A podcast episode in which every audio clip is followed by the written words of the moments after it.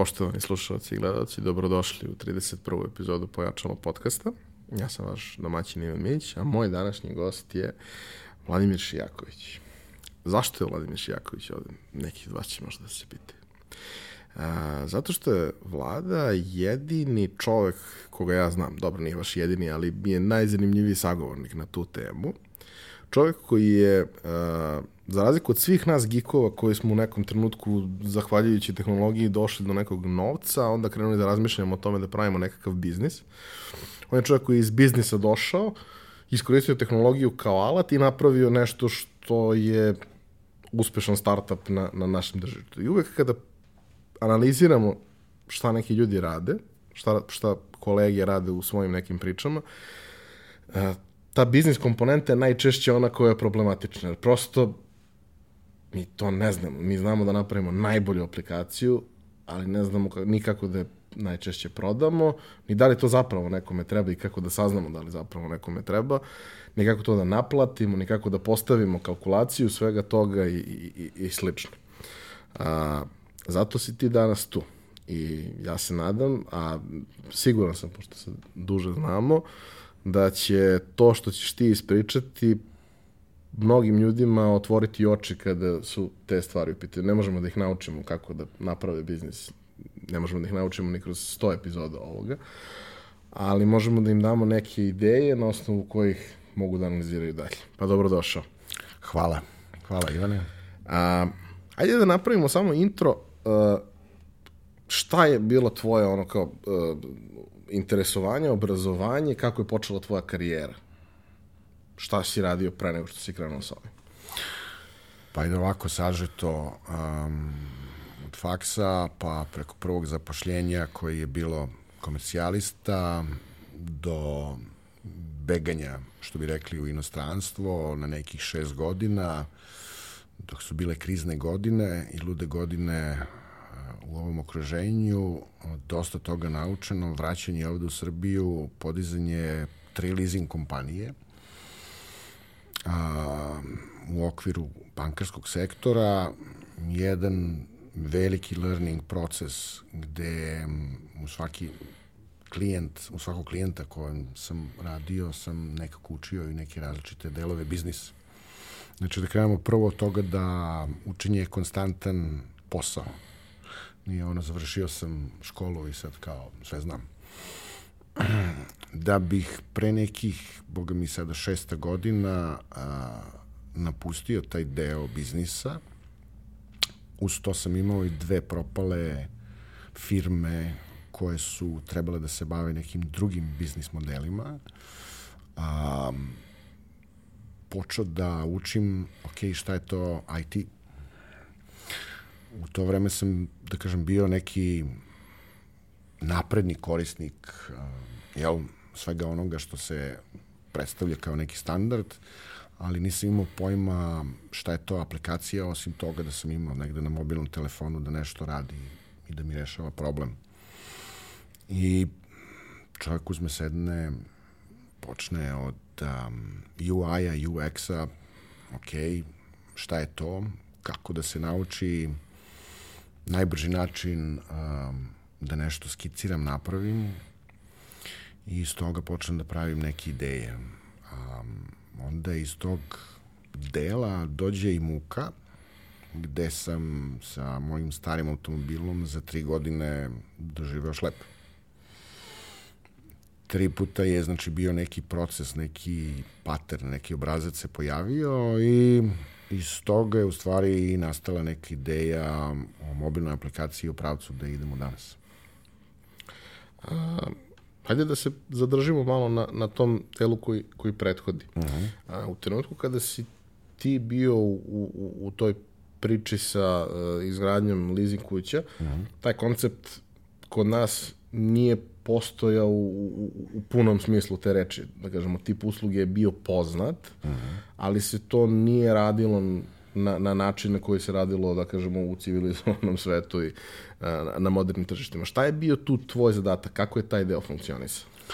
Pa ima ovako, ja sam u inostranstvu se bavio investicijonim mekarstvom koje je, je totalna suprotnost od leasing industrije koja potpada pod neko komercijalno bankarstvo. I bankarstvo a, a, je jedan ogroman, ogroman a, segmentirani koleč na više proizvoda. 2003. četvrte, kada sam praktično tražio posao, jer sam došao iz inostranstva nazad u Srbiju, um, jedan ostajanac, Johan i ja smo negde pokrenuli S-Leasing, tadašnji prethodnicu Erste banke. Uh, iskreno, nisam imao pojma šta je leasing. Dobro, i kako si naučio i šta si naučio i šta si shvatio A, ključno iz toga? Ključni a, detalji po pitanju leasinga kako sam naučio, ajde ovako, prvo odgovor na to pitanje, sedneš, naučiš, pročitaš jedno 20, 30, 50 članaka, pa onda uzmeš dve, tri knjige, pa se podsjetiš po pitanju nekih metoda kalkulacije i svega ostalog. I kažeš, aha, dobro. Konceptualno to znači da neki korisnik, klijent dođe kod tebe, hoće da kupi x stvar i tu stvar ti njemu praktično daš na rate, ali je vlasništvo kod tebe, kao leasing kompanije. On praktično na neki način rentira tu stvar. Da li je to auto, kamion, um, ne znam, prikolica, neka profesionalna kombaj, oprema. neka profesionalna oprema. I tako krenem ovaj, sa leasingom. E onda opet smo došli do toga da je prvo trebalo da bude edukacija korisnika, što individualnih, što lično ovako kao Vladimir Šjaković, što nekih koji su u firmama, koja je razlika između kredita i koja je razlika između leasinga. Um, I prosto objašnjenje je bilo, ok, kredit, uzmeš, daš hipoteku, daš neke stvari, dobiješ pare, onda skupiš opremu. Leasing je bio, ne, ti odabereš opremu, kažeš koliko ti para treba, ako si finansijski stabilan, mi ti odobrimo, ta oprema ostaje u vlasništvu leasinga, posle četvrte, pete godine, koliko god da to traje, tu opremu ti dobiješ nazad u svoje vlasništvo. Da će da je prodaš, da je amortizuješ, tvoj deo posla, mi smo te isfinansirali. Znači, bilo je samo pojašnjenje po pitanju vlasništva. I onda postaje jedan zabavni deo. Postaje zabavni deo da um, kako napraviti odluku za leasing objekat. Bio to auto, kamion, kombajn, um, pakerica, za čips, na osnovu kojih parametara, osim onih osnovnih parametara koje postoje, što i svaka banka traži, a to je neki finansijski pokazatelji, znači bilans stanja uspeha u zadnjih par godina. E, to je bio interesantan proces, gde sam jako, jako puno naučio, u stvari, prostom logikom o biznisu. Uh, primer. Um, jedan od klijenata sa kojima sam radio nisam imao pojma o biznisu izgrađevine po pitanju pokretnih kranova. Čovjek je došao i rekao, vidi, ja sam imao promet prošle godine, ne znam, nekih par stotina hiljada evra, ali treba mi kran koji košta 500 hiljada evra.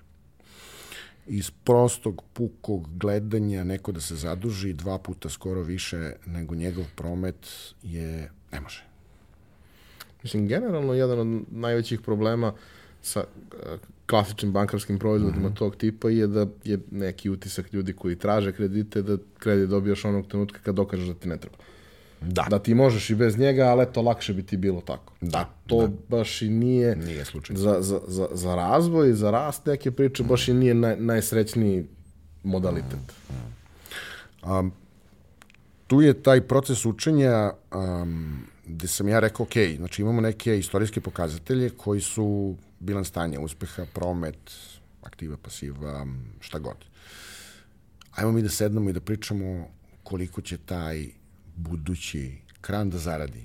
Pa smo onda seli tri sata pričali od a, kraniste, koliko košta gorivo, koliko košta amortizacija, koliko je kasko osiguranje, koliko je radni sat. I sve to složili u jedan Excel taj Excel imao kalkulaciju da je taj kran negde treba da bude zapošljen nekih šest i po dana mesečno da bi pokrio sve svoje troškove. Da kažem, to je bio možda nesvesno prvi use case koji sam uradio. Taj use case i dan danas postoji a, po pitanju izrade aplikacije, ali u drugim dimenzijama. I kad počneš u use case-u da praviš okvir oko koga možeš logički da posmatraš stvari po pitanju biznisa, onda ti se otvara jako široko polje. Da objasnim plastično na primeru, um, treba posmatrati a, ne samo nešto da treba da bude, pošto u IT industriji sve može da bude prelepo, predivno, znači da smo prosto zaljubljeni sami u svoj proizvod, a, treba odbaciti sve to i reći, ok, a šta nekome kao korisniku treba? Staviti se u njegove cipele. I onda učeći praktično od nekoga koji je u građevini gde ja nemam pojma koliko taj kran troši goriva, litara, na sat, kada saznaš neke podatke, onda na osnovu tih podataka praviš odluku. I kažeš, aha, ok, ovo može ili ne može. I tako praviš slučaj. Onda je iz te perspektive, po pitanju biznisa, počneš da pitaš ljude, ok, a kombajn, koliko košta? Dobro, šta treba? A, kamion, automobil, a, i ona pakirica za čips, i tako XY proizvode, i onda iz XY proizvoda praktično koje ti finansiraš, a, naučiš i XY industrija, načina razmišljenja, biznis modela, i onda počneš da uparuješ podatke i da sabiraš 2 i 2. Ključna stvar je da je čovek na osnovu Excela koji ste napravili dobio. Tako je, da, da, da, da, dobio. Iako dobio. je to bilo potpuno nezamislivo u tom trenutku Totalno. u jednom takvom sistemu koji je potpuno konzervativan Totalno, i izvan bilo čega što je ono kao e, kliknem dugme i uvuče mi podatke iz finansijskog izveštaja i pokaže zeleno, žuto, crveno, Jest. se ništa dalje ne radi. Uspeo si logikom da pobediš sistem koji je Jest. u najmanju ruku zatvoren za takve Tako stvari. je, tako je, tako je. A, u jednom trenutku si mi pomenuo da si e, radio kalkulaciju krave. Isto, Jest. To je Jest. I krava je isto kalkulacija. Krava je isto proizvod. Mislim, je. nije proizvod, ali... Mislim, ali živo biće, ali postoje određeni parametri, da kažem, funkcionalnosti krave. krava je isto sistem. Isto sistem. Samo je onda pitanje multiplikacije sistema. A, zašto, si, zašto si otišao iz, iz sektora financija koji, mislim, je ono, jedan od uh, najstabilnijih i, da kažemo, m, po pitanju plate i svega ostalog, najprijatnijih za rad u Srbiji, ajde nazovimo to tako. Pa, moja lična, uh, da kažem, ajde da krenemo prvo od samog sebe. Ja sam uvek bio onaj koji drma kavez. Nikada nije postojalo um, nešto što bi trebalo da bude u stanju mirovanja ili sine pusti ti to da radi i radi zadnjih 20 godina što se ti izmišljaš toplu vodu. To je prva stvar.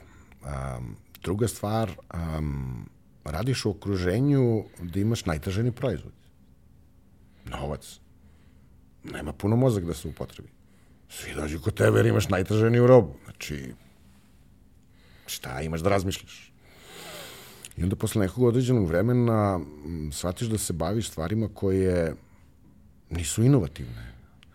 A borba u okviru sistema a, koji su jako veliki, rigidni, a, piramidalno orijentisani u slojevima, može da bude jako mučna i jako puno da istrpi Iscrpljujuće, da. iscrpljujući. I dođeš u situaciju da neki put, iako veruješ u nešto, um, ne prođeš, ma koliko god se borio, da li su te odluke donešene na osnovu komercijalnih efekata ili su odluke donešene na osnovu riska efekata ili na osnovu nekog trećeg efekta. I onda počneš da budeš nezadovoljan um, sa tvojim outputom, sa tvojim pruženjem nazad nekim ljudima koje znaš, postaneš budeš i nezadovoljan. Um, nekako mi je, ne, mogu da kažem dosadio, ali tražio sam da kažem neki izlaz u nešto novo. trebao mi je novi drive. Sve što je bilo do leasinga da se napravi, bilo je napravljeno i posle toga je stand still. A ne volim da se stoji u mestu. I okej, okay, kažeš, krenuo si da istražuješ tu temu, odnosno mm. krenuo si da ulaziš lagano u tehnologiju, mm. da bi mhm. video kako šta funkcioniše, kako se šta planira, kako šta radi uh -huh. i u kom trenutku je to u kom trenutku si prvo došao do ideje za koju si rekao, ok, to je to, uh -huh. i šta si radio nakon toga? Um, ja sam negde 2015. godine napravio kompletan projekat i počeo u tadašnjem Swift 1.0 okruženju da se igram i programiram kako bi ta aplikacija izgledala. Znači, prvo da krenemo od problema. Problem sam naveo da je bio moj lični problem šlep. Znači, tri puta ista situacija, ali različiti kvarovi. Tu sam za 15 minuta, 20 minuta, to bude sad, sat i po vremena, aj daj mi toliko keša, aj daj mi toliko, e, ajmo do bankomate, e, ajmo ovamo, ajde ovamo I onda čovek, a paralelno sam radio, da kažem, i konsultantske poslove koji nisu najbolje prošli, jer um, jednostavno znanje neki put nije moglo da bude naplaćeno u odnosu na neke stvari koje, na koje, opet na neke stvari koje ne možeš da utičeš. I onda sam seo i rekao, ok, dobro, ajde da napravim neku mobilnu aplikaciju ajmo da krenemo prvo da vidimo od toga, pošto um, većina ljudi, znači 80% ljudi je vizualno, 20% negde u linearnom formatu. Ajde ja sedem da napravim da vidim kako bi ti skečevi izgledali, flow neke aplikacije. Znači krenuo sam prvo da se upoznajem kako su u stvari pravi aplikacije. Znači ne iz development moda, ne iz kodiranja, nego kako vizualno izgleda. Tada bio tek izašao alat InVision, InVision je bio jedan od alata gde sam ja mogao a, iz skeča koji sam naučio da crtam, gradim a, elemente po pitanju interfejsa, mogu da pokažem na telefonu i da klikćem. Da povežem dugmiće, da kažem how je flow. I onda sam kao prototyping. Kao prototyping, znači i jeste prototyping tool. I onda je bilo u principu ok, ajmo da vidimo sad kako ovo rešenje treba da izgleda. I to je bio jedan meni jako, jako, jako zanimljiv deo. A onda dođeš i do business case-a, onda se vrati onaj drugi deo posla i kažeš sebi, dobro, ajmo, imamo sa jedne strane trošak izrade mobilne aplikacije, koja bi trebala da reši neki određeni problem, a, koji je postojeći, gorući i svakome je neprijatno kada se desi kvar na automobilu, ali imaš problem koji ako, ako može da se reši ikako, trenutno, rešava se kao u 18. veku. Tako je, tako je. Um, da bi rekao, uh, ajde sad da, kaž, da kažemo kako bi u stvari trebao da ide biznis proces. Znači, ja sam krenuo paralelno da pravim aplikaciju, da osmišljavam u stvari neku ideju, a sa druge strane sam seo i tri meseca radio research. Bukvalno tri meseca a, sve što je postojalo na webu da se nađe po pitanju road assistance kako sistem funkcioniše, počeši od okruženja u kom živimo, pa do Evrope, Amerike, svi podaci koji podrazumevaju neki tok i neki proces nečega što se zove organizacija pomoći na putu sam istražio. Kad sam istražio kako rade biznis procesi, onda sam rekao, dobro, sad ćemo da stavimo finansijski proces. Što bi rekli, gde su tu pare. Kad sam istražio i taj deo, i kad sam shvatio da je to industrija sa veoma malom maržom, marža, što bi rekli Srbiji, dognam za dinar, prodam za dva, pa kažem, marža mi 100%. Ovaj, um, sa veoma, veoma malom maržom, onda, smo rekli, onda sam ja sad sebi postavio zadatak da postavim pitanje zašto je toliko malo. A, a to podrazumeva da postoji jako, jako, jako puno legasija. A legacy to znači, kao što si ti napomenuo, 18. vek, ali dobro, u 18. veku um, jedne stvari, ali da kažem, od izuma telefona a, ništa se pretarano nije promenilo. A, tehnologija je otišla mnogo više od fiksnog telefona i pozivanja call centra objašnjavajući gde si kod koje bandere. Znači, mogla je taj neki, da kažem, trošak koji ja, postoji je mogu da se optimizuje i da se smanji, a da korisničko iskustvo s druge strane bude unapređeno za 100 godina. I tako je i krenula cela priča. Znači, paralelno su bili građenje biznis case-a, finansijskog case-a i use case-a po pitanju kako bi to trebalo da izgleda. Znači, tri komponente su bile bitne. I kada si sve to skockao i napravio nešto što je, da kažem, zaokružen, uh mhm. -huh. zaokružena ideja, uh -huh. a, kako prelaziš u realizaciju?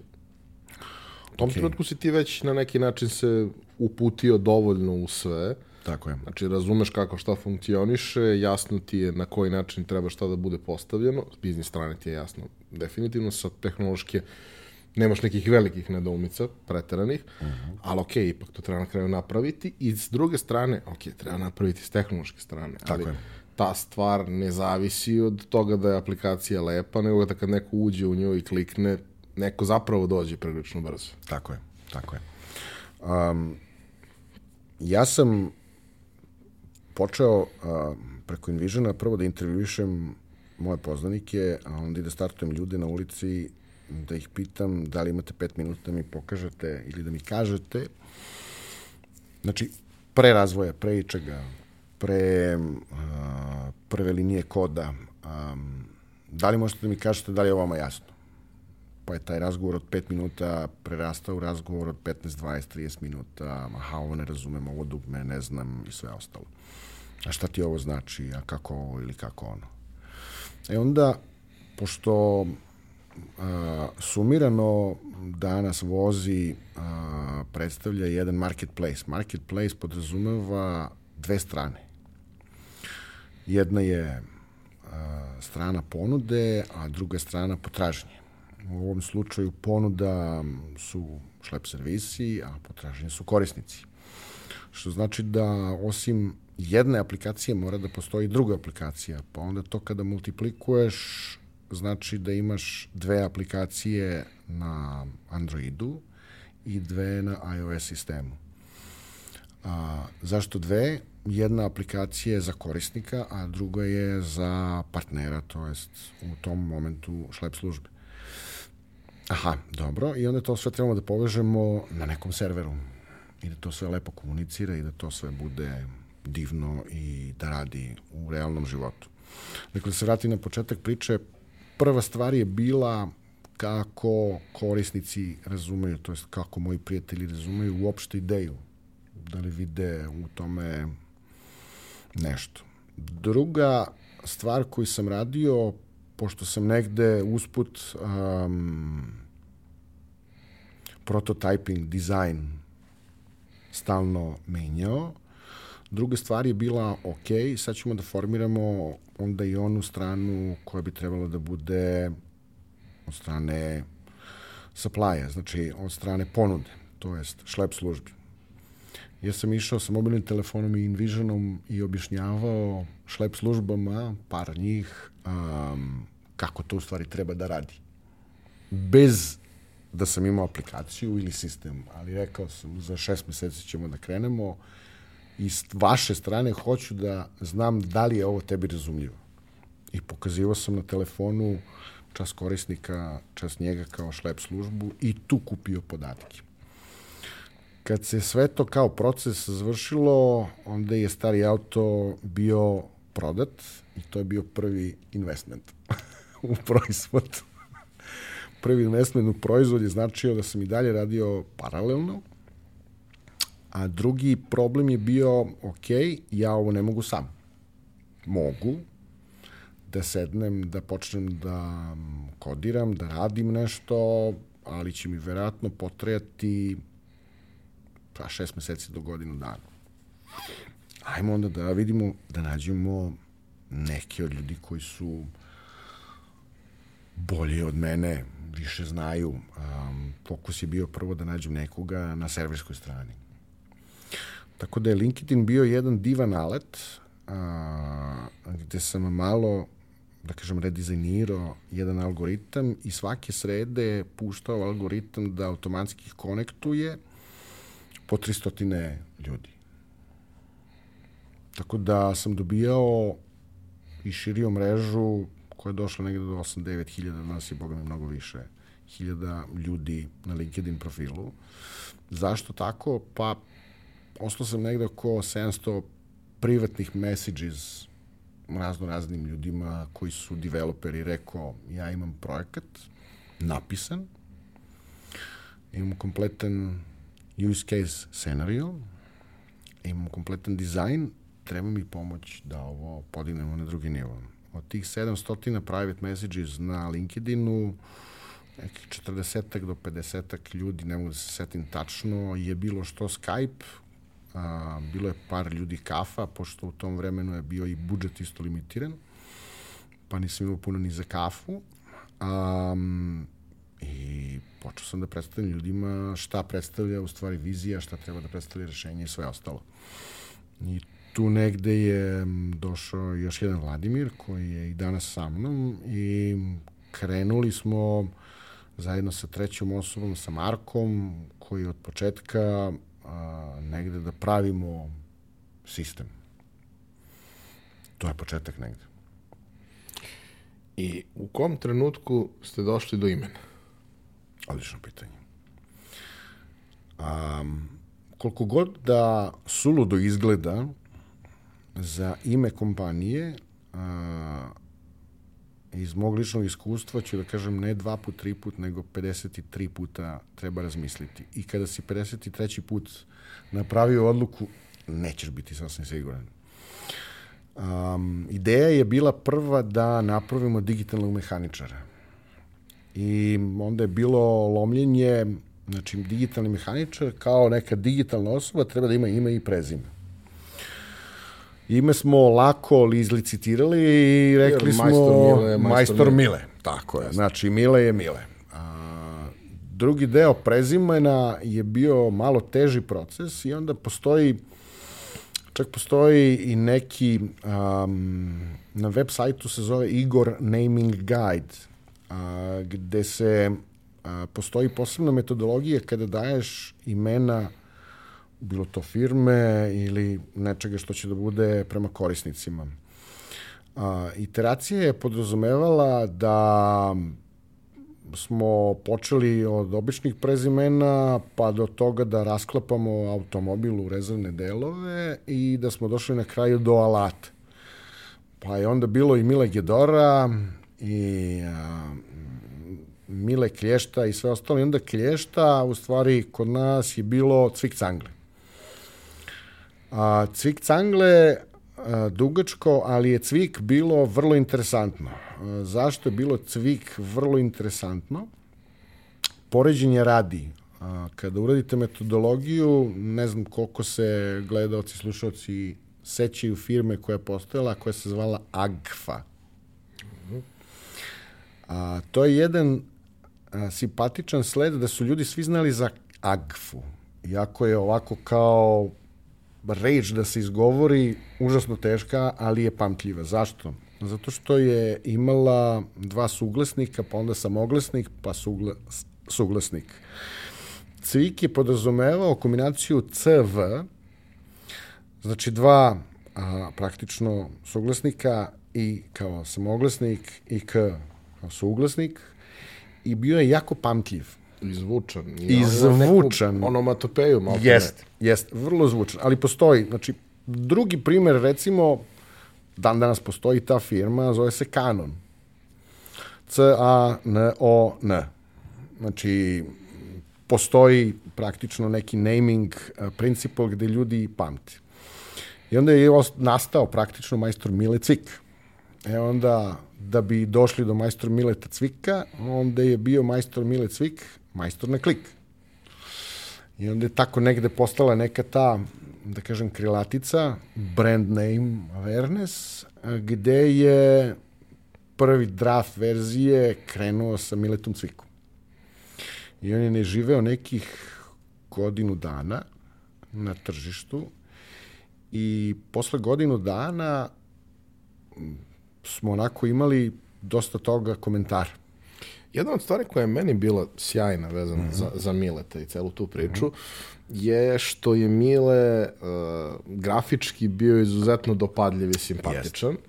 I onda ste vi to koristili, bilo je bio i cut out Mile, svi smo se slikali u nekom trenutku sa cut out Miletom. Uh -huh. ovaj, ali vi ste to koristili i vizualima i svuda i stvarno je bilo izuzetno dopadljivo vizualno, uh -huh. sjajno uh, što se tiče, da kažem, pamtljivosti, zvučnosti, razumljivosti. Kad nekom kažeš Mile Cvik, on ne može da ne može da pomeša, ne može da pomisli da a, da li je cvik ili je kvik ili neće sigurno da jest, pogreši. Zapamtit će ga za sva vremena. Sad možda neće znati šta je, da, da, da, ali će da. ga sigurno zapamtiti. zapamtiti. Mm. Što kao možda nije idealno, uh mhm. -huh. ali daleko od toga da je loš. Uh -huh. I onda je jako, jako bilo dopadljivo i mislim, jedan od razloga što smo nas dvojica pre x godina seli na sastanak je što je meni to bilo beskreno simpatično. Ja sam teo da vidim čoveka koji je smislio da se to tako zove.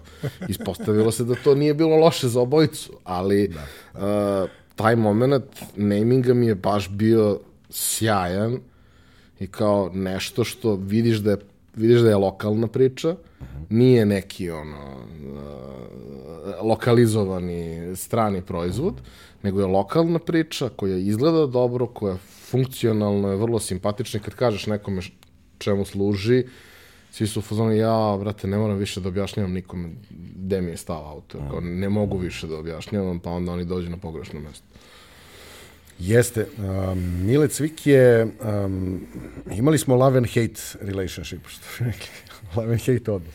Kad smo pitali ljude, um, većina je ovaj, u stvari bila u ovom simpatičnom delu, jako nam je simpatično. A ljudi su onda, drugi su rekli, ma mrzim to ime. Ja kažem, dobro, hvala na povratnu informaciju. Uvek volim ljudi kada mi kažu šta misle, jer smatram da je to um, ne kritika, nego najbolji mogući način da se nešto nauči. Uh, o mišljenju uh, i da dobiješ neku povratnu informaciju i da tu informaciju iskoristiš u stvari u dobro, a ne da jednostavno kažeš sebi, eto, neko mi je rekao nešto loše. Ne, treba treba slušati loše i učiti kako to loše ispraviti. Um, u celom tom procesu Mile Cvik je nekih godinu i nešto dana živeo i to se onako jako lepo primilo. Međutim, onda smo rekli, dobro, sad ćemo da intervjušemo ljude sa par pitanja. Kako ste čuli za Mile Cvik? Da li znate ko je Mile Cvik? Um, da li znate da je to aplikacija i šta vam je prvi osjećaj kada čujete Mile Cik? Razno razni odgovori su bili.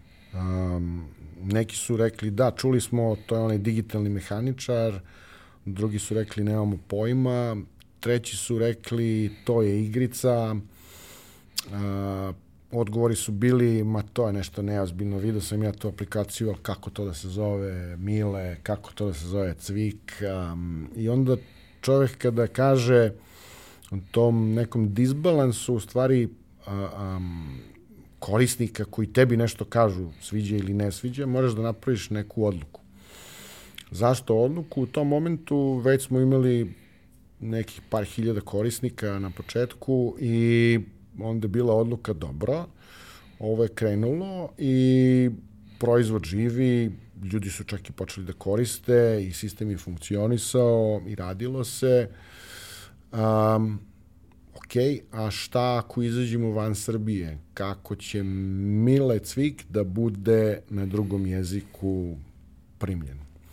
Pa je onda bila ideja da napravimo Cvik porodicu, pa da onda u svakoj zemlji bude, ne znam, ako je u Sloveniji će da bude Janis Cvik, u Srbiji će da bude Mile Cvik, ne znam, u Mađarskoj bi bio Balaš Cvik ili tako nešto.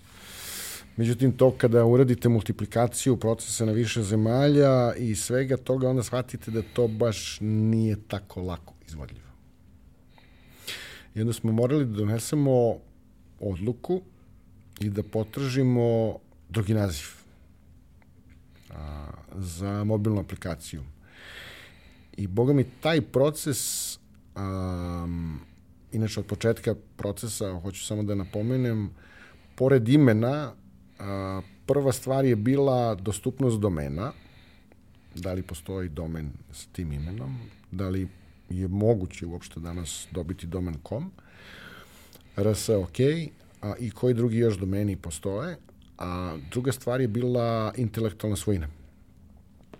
Da li je neko negde van Srbije registrovo Mile Cvik ili Cvik iz bilo kog razloga, da ako izađemo napolje, ne pokuca jednog dana advokat i kaže, oh, momci, se koristite ovim imenom koje je zaštićeno po tim i tim trademarkom, nema veze da li je firma iz Paname, ali nisu platili, zaštitili, dobro, momci, ajmo sad jedna kaznica od par miliona i mi svi ono, kao super smo se igrali za njih par godina. Um, traženje novog imena nam je potrajalo tri meseca.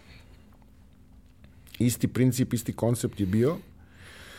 A, da bi došli negde do vozi, Aleksandar, koji je, da kažem, za marketing u kompaniji, je i kum imena vozi. On je najviše vremena proveo na istraživanju.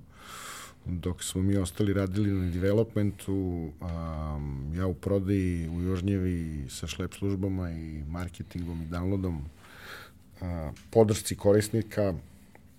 I to je jedan zanimljiv aspekt gde ja u stvari sam zvao svakog korisnika. Kad je nešto preko aplikacije okidao, bilo to lažno ili pravi poziv. Izigravao sam i korisnički centar, nikakav problem pa čak i u jedan i u dva sata noću. Ali, da se vratim na ime, um, vozi je, kad smo došli, lako pamtljivo, um, vozi je, što bi rekli kod nas, e, super si to odradio, ajde vozi. Pamtljivo i trademark kao trademark nije bio negde zaštićen, a, u Evropskoj uniji i kod nas u patentnom zavodu. Tako da danas kada pogledate vozi, ono ima ono malo R, to R znači registered trademark i to je zaštićeno, zaštićeno ime.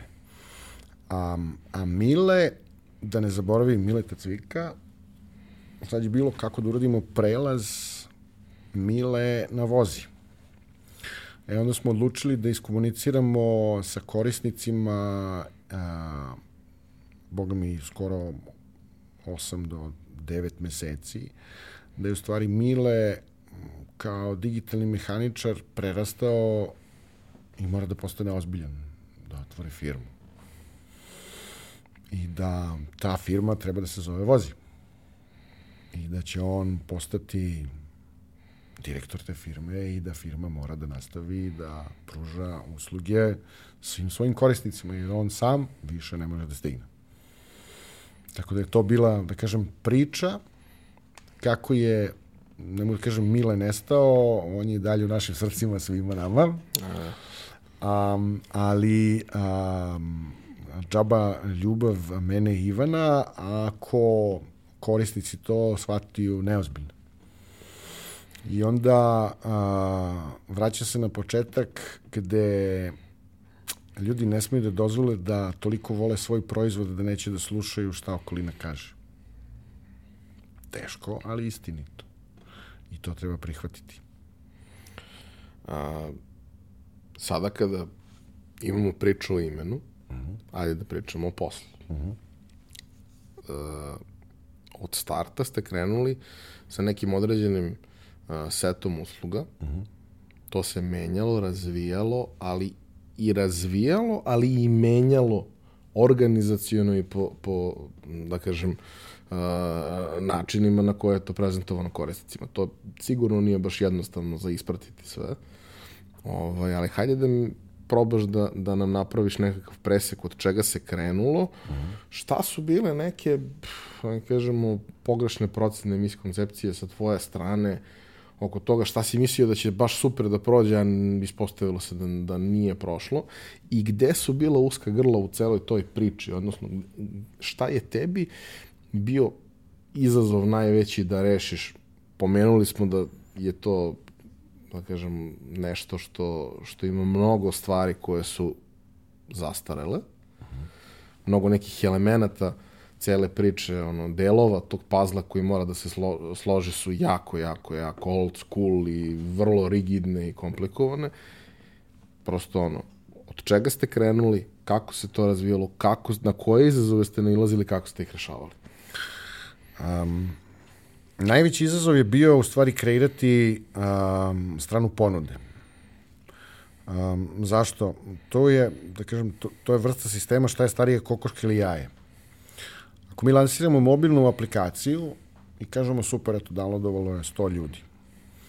I kažemo da u okviru mobilne aplikacije ti možeš pogledati koji šlep servisi postoje oko tebe, a pri tom kada otvoriš ti kao mobilnu aplikaciju ne vidiš ni jedan, znači nešto ne valja. Prodajemo proizvod bez kompletne usluge. Znači, najveći izazov je bio prvo da okupimo šlep.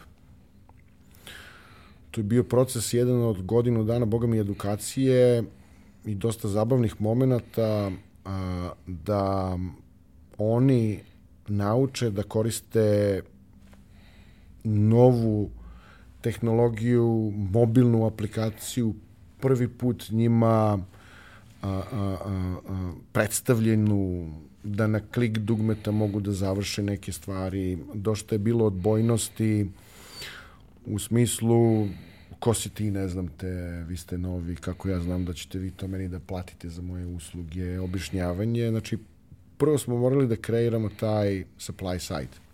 To je bio jedan od najvećih izazova. Bilo je dosta zabavnih momenta, mogu da pomenem samo, sa par njih smo pričali onako, pa imate uvek negde, su to porodične firme, pa imate i oca i sina, i oca koji radi na nekoj old school, na nekoj staroj Nokiji, ili nekom starom Motorola telefonu koji je na preklop, koji je za mene bilo onako fascinantno da vidim da još uvek funkcioniše.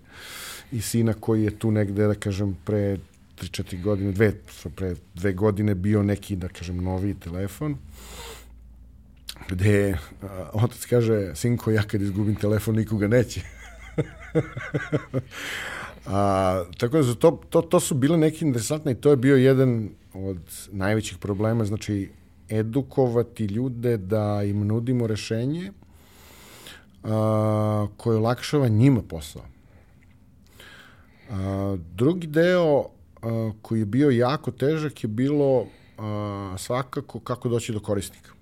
Kad imaš limitiran budžet, evo, u tom momentu nismo mi imali novca da opalimo billboard kampanje, da na Facebooku smo trošili čitavih 10 dolara mesečno, to nam je bio budžet.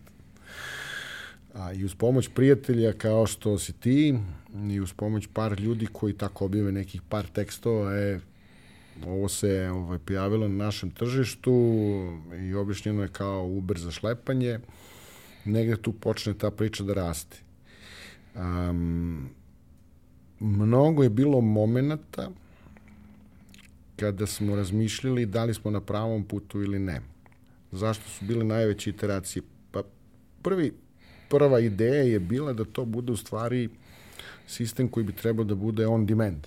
On demand znači svako može da downloaduje aplikaciju, ako mu se nešto desi, ok, i postoje jedna jedinstven cenovnik koji dan danas postoji, a, plati svoj servis i završi. Međutim, broj downloada je počeo da raste, ali a, negde korisnici su počeli da se javljaju tipa, e vidi, ja bi da kupim od vas paket. Dobro, a, kakav paket? Da ja vama platim tipa 2, 3, 1500 dinara, da mi vi osigurate, a, kažem, osigurate sa znakovima navoda, jer nismo osiguravajuća kuća, nego da ja vama platim neku pretplatu i da kažem ok, i onda ljudi kažu, znate, ono kao Automoto Savez ili neki drugi koji nude ovaj, na tržištu. Ali kaže, vi ste super digitalni sve ostalo. U roku od zadnje dve godine jedan od najvećih izazov je bio napraviti takozvani product market fit. Product market fit znači da si napravio proizvod koji korisnici žele, pritom žele da ga plate i kada plate da budu usluženi kao što zaslužuju. Iteracije koje smo radili po pitanju paketa, a, pošto smo našu mrežu širili samo i da danas je još uvek u Srbiji, ali ćemo se širiti i u regionu, je bila bazirana na Srbiju i mi smo u tom momentu mogli da ponudimo samo neki način pretplate samo za Srbiju. Pa su tu bili paketi od 499 dinara za tri meseca trajnosti, pa 999 dinara, pa 800 dinara, pa 600 dinara, pa sa razno raznim servisima, pa uključuj pa isključuj, pa nešto se prodaje, nešto se ne prodaje. Onda, a, pošto jako puno u Srbiji, a, osim digitale i broja korisnika a, koje smo zadobili poverenje i kojima se zahvaljujem na, na kažem, tim prvim ljudima koji su verovali u ovu celu priču, neki od njih su im dan danas sa nama kao korisnici, uključujući i tebe. Hvala Ivane. A, kroz sve iteracije um, došlo je do toga da opet smo pitali korisnike, pa dobro, šta biste vi? Tipa, šta biste uradili, šta biste platili, koliko je to cenovno, koliko jeste, koliko nije. Većina ljudi je došla na taj nivo da ja to posmatram ovako. Pokušali smo da napravimo, da veću primer, supermarketa i paste za zube. Kad vi uđete u supermarket, da mogu ljudi da negde se identifikuju, kad uđete u supermarket, vi imate pastu za zube koja košta, ne znam, 120 dinara, pa ona je neka srednja 200, pa za onaj bright osmeh je 500, a za tri dana svi beli zubi 900 dinara. Znači, proizvod kao proizvod u jednoj liniji, pasta za zube. I prva i zadnja imaju istu upotrebnu ovaj, vrednost, ali je različita cena. I tu smo negde, znači, sa biznis strane, taj deo, eto, kao primer dajem uvek pastu za zube, treba znati gde, šta želiš, u kom segmentu da radiš. Da li želiš da radiš u segmentu gde ćeš da nudiš za malo para a, nešto što prevazilazi tvoje troškove da bi dobio korisnike ili želiš da ponudiš premium uslugu i za tu premium uslugu jednostavno ono što piše treba da pružiš korisnicima. Znači, bilo je manja cena, manji set usluga, veća cena, veći set usluga. U oba slučaja je bilo premium usluga. A, pogledaj, posle godinu i po dana, a, u martu ove godine, 2019. smo izašli na sajam gde smo zaokružili ne samo Srbiju, nego i celu Evropu. I počeli smo sa paketima a, koji uključuju i road assistance, a, ali bukvalno u smislu šple, šlep do kuće, a, prvi na tržištu, a, jer svi drugi nude ili takozvani cap, to jest da kupite, ali imate pokriće do 500, 200, 300, 1000 eura, ili da, dobili ste taj neki subscription, kupili ste, desi vam se problem, mi vas organizujemo i vozimo do prvog servisa šta ćemo onda? Um, dve stvari smo uradili kao inovaciju. Prva stvar je da smo izašli na tržište i rekli gde god da ste po pitanju pokrića paketa, a, šlepamo vas nazad do kuće. Znači, bili u Grčkoj, ako vam se pokvario auto i ne može da se popravi, poslaćemo našeg partnera i u našem trošku ćete biti prevezani kući.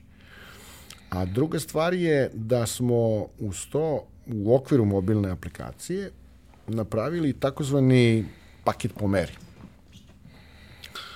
Ljudi su kroz iteraciju svih tih ovih proizvoda pasti za zube, što bih ja rekao da kažem, voleo da kažem, a, ljudi su pitali, dobro, bilo je pitanje, a je to do 100 km, je do 20 km, je do 30 km šlepanje, je neograničeno, znači, posle niza godina čak i a, ljudi, korisnici su već postali vrlo edukovani, što je meni jako, jako bitno. A, I ljudi razumeju da kad nešto kupe, hoće da imaju jasno definisana pravila šta podrazumeva to. I onda smo prvi izašli na tržište i mislim da ne postoji ni danas. U okviru vozi aplikacije postoji taj takozvani tailor-made paket ili ja da napravim moj paket. Šta ja odlučim? Gde ima tri komponente glavne. Jedna komponenta je da li ja želim da kupim pokriće za 100, 200 ili neograničeno kilometara za šlepanje. Drugi segment je da li ja hoću da imam jedan, dva ili tri servisa. Kada kažem tri servisa, dodatna servisa, kada kažem na servise, to je da mi crkla guma, akumulator bez goriva ili dostava ključeva. I treća stavka je da li hoću da imam pokriće za Evropu i to podeljeno na neke regione Evropa 1, Evropa 2 i Evropa 3. I sve to podrazumeva, da kažem, nekih, to je 9, to je 27 različitih kombinacija. I korisnici bukvalno sami mogu da biraju šta hoće.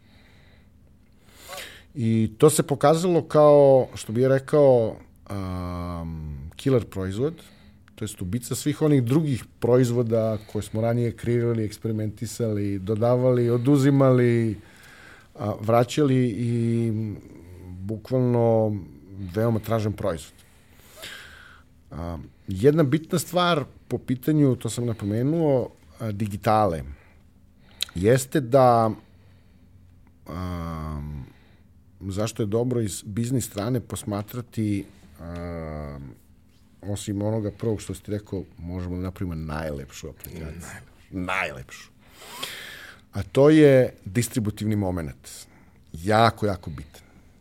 Distributivni moment podrazumeva da ti tvoj proizvod moraš da napraviš i osmisliš da živi i u digitalnom, ali boga mi i u realnom životu. Šta to podrazumeva? Um, mobilna aplikacija je super ali ima jako puno ljudi koji vole da imaju nešto u rukama, neku vrstu papira, nečega, da su član pripadnosti. I nismo smeli da, ne da nismo smeli, nego nikada nije ni postojala želja da izbegnemo taj način, nego smo otišli korak dalje i napravili kartice. Ali kartice, plastične kartice koje izgledaju kao platne kartice, u veoma skupom dizajnu i pakovanju i gde smo distributere bukvalno edukovali da ljudi kada dođu u njihov retail objekat, a to su tehnički pregledi, autoservisi, vulkanizeri, a, i kada zatraži, jer je korisnik na kraju došao u taj servis iz nekog poverenja. Ili tehnički pregled ima neko poverenje, neku tradiciju da je kupovao tog tehničkog pregleda i ranije nešto po pitanju a, osim pregleda, neki road assistance, da imaju proizvod da im daju u fizičkom obliku. Samim tim smo taj proizvod koji je u fizičkom obliku kartice a, uslovili da korisnici treba da downloaduju aplikaciju i da se vrlo lako registruju na mobilnoj aplikaciji. Onda smo rekli, odlično, jer onda smo pokrili digitalni deo, retail deo i realan život. A nekada je to najteže, u stvari nije najteže, jeste teško, ali ljudi zaboravljaju um, pripravljanju mobilnih aplikacija da nije sve i da nisu svi na mobilnim aplikacijama i da nisu svi zainteresovani da imaju samo na telefonu. Neko želi da ima i u čepu tu karticu, neko želi da ima um, u novčaniku, a, a neko želi jednostavno da ode na prodajno mesto, jer ja znam Ivana, Ivan je moj drugar i ako Ivan meni je preporučio da ovo ja uzmem, neću uopšte da razmišljam. To je jako teško iskomunicirati putem mobilnog telefona, jer živa reč i poznavanje nekoga je druga definicija u odnosu na mobilni telefon. Tako da, sa biznis strane su to neki detalji gde savet, nemojte graditi u jednom kanalu prodaje. Razmišljajte na više kanala distribucije. I dan danas je, evo, u ovom rastu negde 30 do 35% prošlog meseca su ljudi plaćali putem mobilne aplikacije, a 65% je još uvek putem prodajnih mesta. Sada je prošlo već neko vreme. Postoji neka akumulirana količina iskustva i, i, i znanja i o korisnicima i o njihovim navikama i svemu. O koliko korisnika pričamo? Mi smo sada oko 65.000 downloada a, na oba sistema. Na Androidu smo preko 50.000, 54-5.000 i iOS koji je, da kažem, tu negde oko 20%. A, aktivnih korisnika je preko 50%. A, a broj korisnika koji su platili pretplatu svaki dan raste. Um, do kraja godine um, je planiran rast da to bude preko 100-150 hiljada korisnika i kako smo krenuli, kako idemo, taj tempo će biti ispunjen. Iako smatramo da je to vrlo mali deo, obzirom da u Srbiji postoji 2,08 miliona registrovanih automobila. Znači, ne možemo sve baš da pokrijemo, ali naša želja je da a, pokrijemo milionski auditorijum i da svaki korisnik a, sa vozijem a, ima osjećaj da je on jedini. A, kaži mi, a, standardna usluga je nešto što je ok, ono, prepoznato, poznato, sad je ovo novi način uh -huh. da dobiješ uslugu koju na neki način već, već poznaješ. Uh -huh. Ali e, kako je bilo e, sa vaše strane dogovoriti i organizovati sve te neke specifične stvari koje ste pokušavali da implementirate u sistem? I šta ste još, a, pored te osnovne usluge koja se svodi na šlepovanje ili servis asistenciju, uh -huh. ok. Uh -huh. A, šta ste još u, uvrstili u sistem i šta je nešto u, u, u kom smeru želite da se razvija Miletov, odnosno vozijev ekosistem? Jeste, jeste. Ajmo prvo da krenemo od automobila. A, automobil je svima nama negde ljubimac. Volimo ga, mrzimo ga, pazimo ga, gazimo ga. A, I pogotovo sa strane muške populacije um, Sa druge strane, po pitanju proizvoda koji je, da kažem, neki osnov, a, negde smo počeli da sagledavamo šta još ja kao korisnik kada krenem na put trebam da imam. Ok, imam u najgorem slučaju pokriveno da me neko odšlepa ili da mi popravi gumu ili da mi zakrpi ili da mi startuje automobil. I onda smo krenuli u razgovore sa osiguravajućim kućama pošto naš core biznis nije osiguranje, ali osiguranje rade to. I svakom čoveku koji ide van teritorije Srbije bi trebalo da bude u svesti da uradi putno zdravstveno osiguranje. Zašto? Da ne bi neko otišao u inostranstvu, slomio zub u, ne znam, pizzeriji i otišao tamo da bi mu neki doktor naplatio 500 evra za zub šaljite odavde, ili ne daj Bože nogu, šaljite odavde 5000 evra da mi zakrpe nogu u inostranstvu. Znači, to je prva stvar. Da ljudi imaju dodatni servis.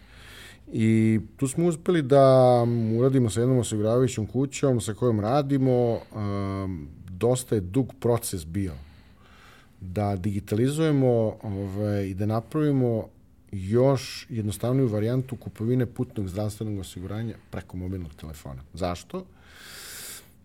Uglavnom ljudi dođu i kažu, super, ja sad kupio sam paket. Krenuo sam sad na more u Grčku.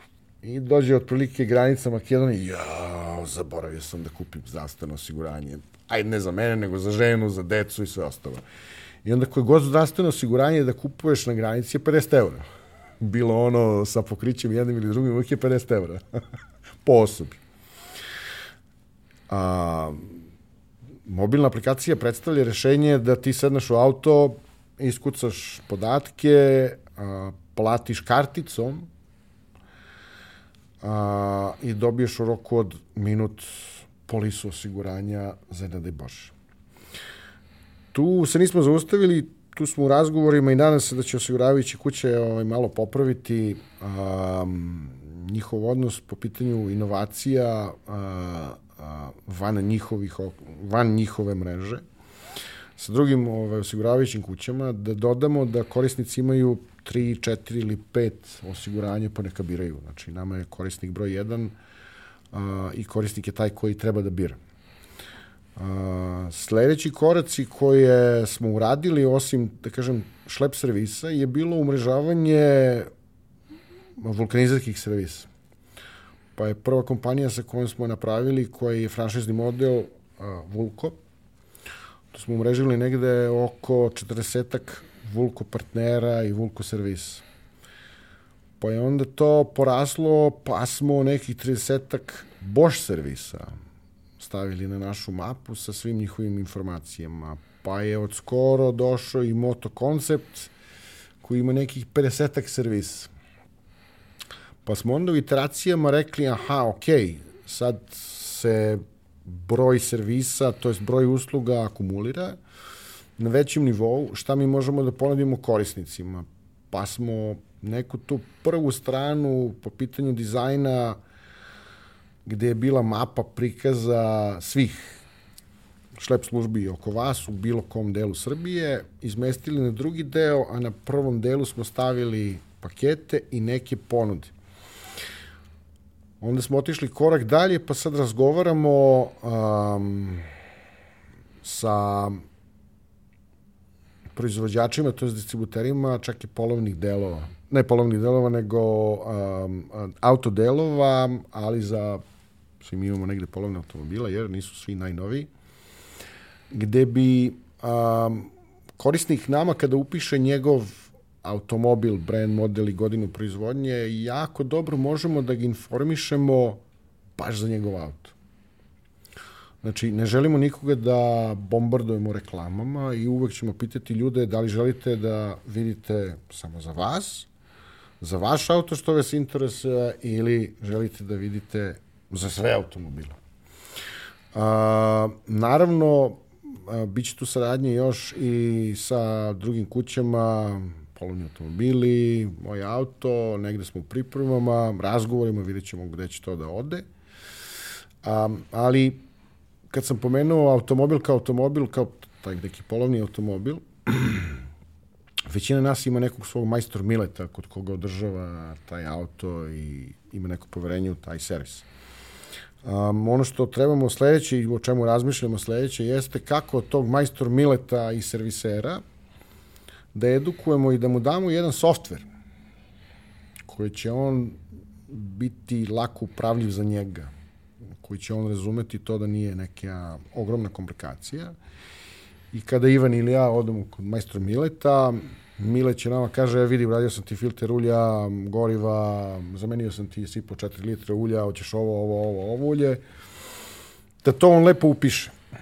Ali ne da upiše na list papira ili da upiše negde u tvoju neku servisnu knjižicu koju ti zaboraviš ili izgubiš ili staviš šušneš negde sa strane, nego da upiše preko jednog sistema gde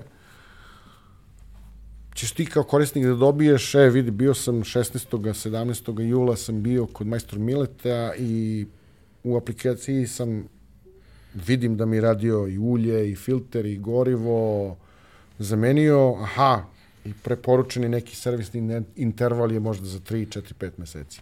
Znači, šta je poenta? Poenta je elektronska servisna knjižica, gde u vozi sistemu imaš i povratnu informaciju gde si servisirao auto, a, i gde bi mogao da zakazuješ neki servis.